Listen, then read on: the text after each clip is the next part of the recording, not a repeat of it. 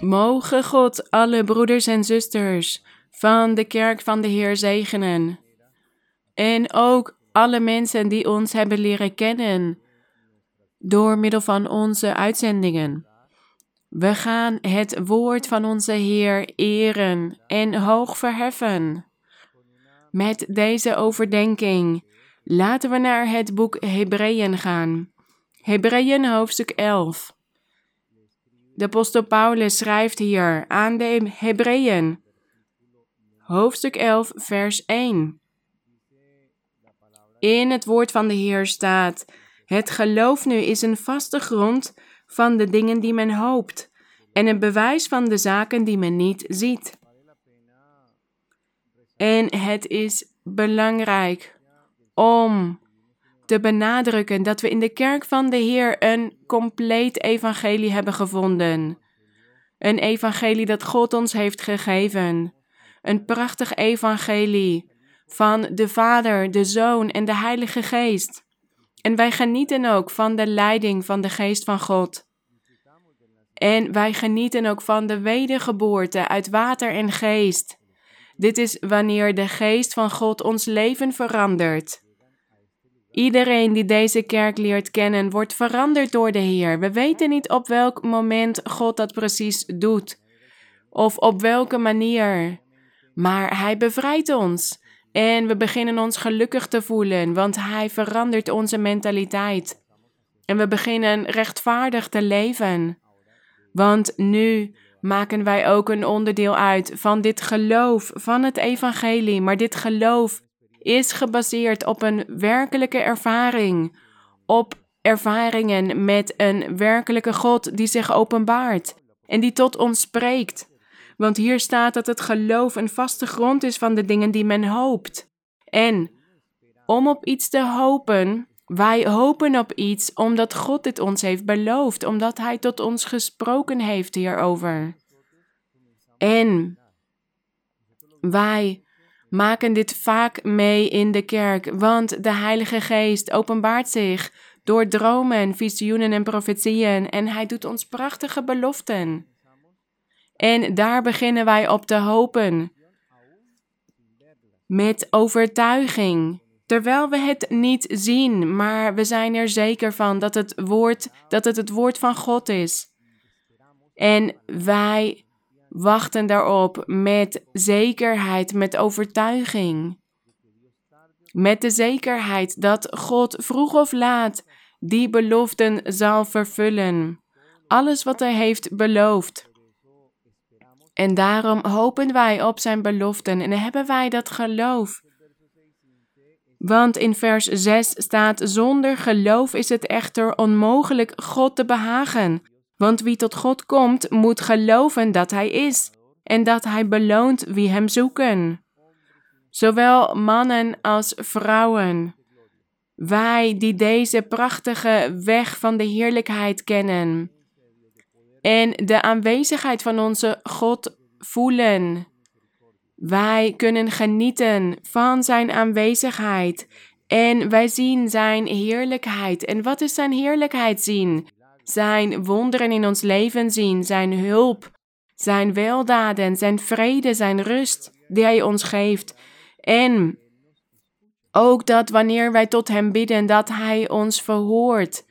Wat zou het tegenovergestelde zijn van de heerlijkheid van God? Dat we ons leeg voelen, dat we ons ver weg van God voelen, dat we ons machteloos voelen, dat we denken dat we alleen strijden, dat God niet aan onze zijde staat en dat we zeggen: waarom hoor ik al die getuigenissen van alle broeders en zusters, maar ik zie dit niet in mijn eigen leven?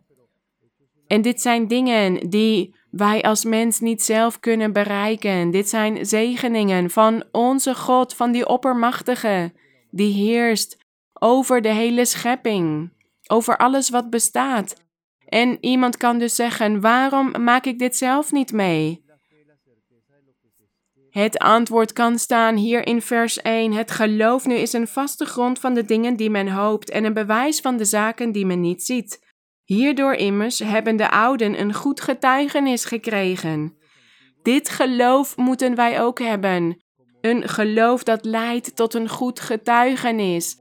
Net zoals Abraham, Noach, Mozes, Jozef, Sarah. Zij hadden allemaal een goed getuigenis gekregen.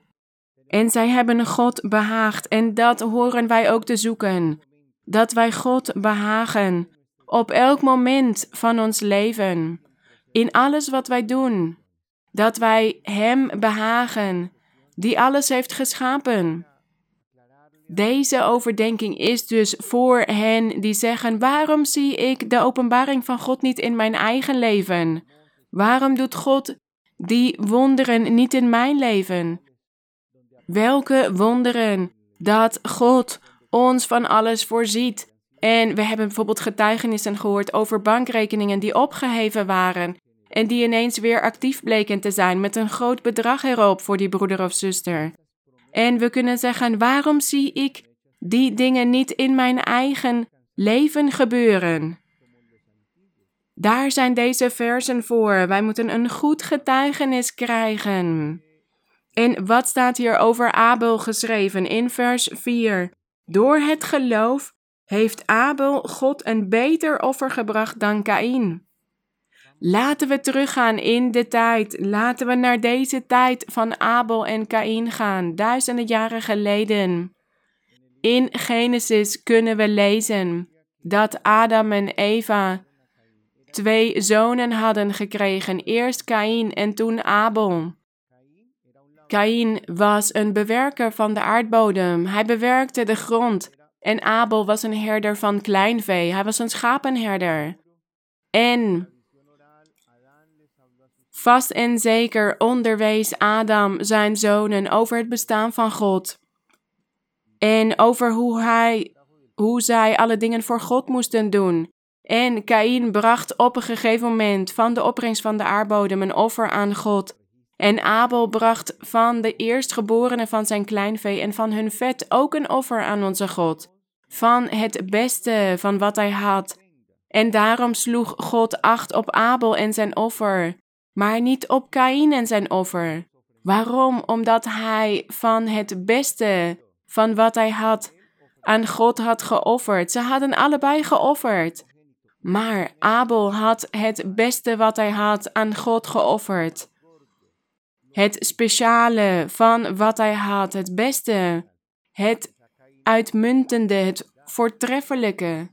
En Kain, die offerde omdat hij wist dat dit moest, maar hij gaf gewoon wat van wat hij had aan God. Maar Abel gaf het allerbeste. Hij had er moeite voor gedaan om God het allerbeste te geven. En dat horen wij ook te doen. Want in de Bijbel lezen wij dat wij God horen lief te hebben met heel ons hart, met heel onze ziel en met heel onze kracht. En dit moeten we beleven in ons eigen leven. We moeten God het allerbeste bieden. En hoe doen wij dit? Ten eerste door de zonde af te leggen, door gehoorzaam te worden aan God. Want de zonde is het dat ons scheidt van God, dat ervoor zorgt dat God afstand van ons neemt. En daarom horen we zijn wil te accepteren en ons te onderschikken aan die God van de heerlijkheid, aan de Allerhoogste God. Dat is het verschil tussen degenen die die krachtige hand van God in hun leven zien en gezegend worden door God, en degenen die zijn hand niet zien en die geen zegeningen ontvangen. Degenen die die ervaringen ontvangen in visioenen, in dromen. En ze dromen wellicht over de leidster van de kerk, onze zuster Marluisa. En zo ontvangen zij grote zegeningen. Of God zegent hen op een andere manier. Maar we zien hoe God zich manifesteert in hun leven. En hier stond dus in vers 4: Door het geloof heeft Abel God een beter offer gebracht dan Kaïn een beter offer. En wij zijn kinderen van God. Wij horen ook het allerbeste aan God te bieden. Uitmuntendheid voor onze God. Want wij worden zo groot door Hem gezegend. Hij heeft zich vernederd om naar ons om te kijken. Hij heeft ons hier naartoe gebracht, naar Zijn prachtige kerk, om te genieten van iets dat onvergelijkbaar is, dat niet geëvenaard wordt, met iets wat we op de aarde kunnen vinden. En we hadden wellicht nooit bedacht dat we deze kerk zouden vinden en dat wij deze dingen zouden meemaken in ons leven. Zoals Jacob zei, dit is het huis van God, de hemelpoort. En dat beleven wij vandaag de dag. En we hebben die overtuiging en die zekerheid. En we hebben dus dit geloof nodig om ook een goed getuigenis te krijgen. En hoe had Abel dit gekregen? Door het allerbeste aan God te geven, uitmuntendheid voor God. Dus wat kunnen wij zeggen? Wij horen ook uitmuntend te zijn voor onze God in alles. Dus uitmuntendheid of voortreffelijkheid in de Bijbellezing. We gaan niet de Bijbel lezen om het maar te lezen. Nee, we gaan het lezen om het te onderzoeken, om het te begrijpen. En uitmuntendheid wanneer we naar een Bijbelstudie kijken, omdat dit de pure geloofsleer van onze God is. Dit is niet om zomaar te horen, dit is om te bestuderen. En we horen ook mannen en vrouwen van het gebed te zijn. En we horen God gehoorzaam te zijn en Hem te waarderen met heel ons hart en van Hem te houden, trouw zijn, standvastig zijn en altijd het volmaakte zoeken. Dat we zeggen, Heer, ik ga niet zomaar de Bijbel lezen, ik ga uw Bijbel onderzoeken, ik ga het analyseren. Er is geen plek voor middelmatigheid. Er is geen plek voor eenvoud in dit soort dingen. God verwacht van ons die uitmuntendheid, die voortreffelijkheid in alles. Hij wil dat wij moeite doen. Zoals we in de Bijbel kunnen lezen dat de apostel Paulus tegen Timotheus zei dat als wij willen oogsten, moeten we hier eerst voor werken. En daarom moeten we moeite doen voor God, Hem de eerste plek geven in alles, met veel moeite, met veel ijver. Op elk moment van ons leven, zodat wij de genade van God in ons leven kunnen zien, Hem altijd het beste bieden. Dat wij uitmuntend zijn voor onze God, uitmuntendheid voor onze God. Hij verdient dit. Hij verdient dit en niet alleen in woorden, maar juist in daden. Dat Hij de eerste plek in ons hart heeft. Zodat Hij zich kan openbaren in ons leven, in ons hart. In ons hart hoort oprechtheid te zijn, onberispelijkheid, eerlijkheid, volmaaktheid. Dat we altijd zoeken naar de volmaaktheid, tot de maat van de grootte van de volheid van Christus. En dat wij, zoals dit koor dat onderwijst, dat wij zijn voetspoor volgen. En dat wij in alles uitmuntend zijn voor onze God, want Hij geeft ons ook het beste. Dus wij horen Hem ook het beste te geven.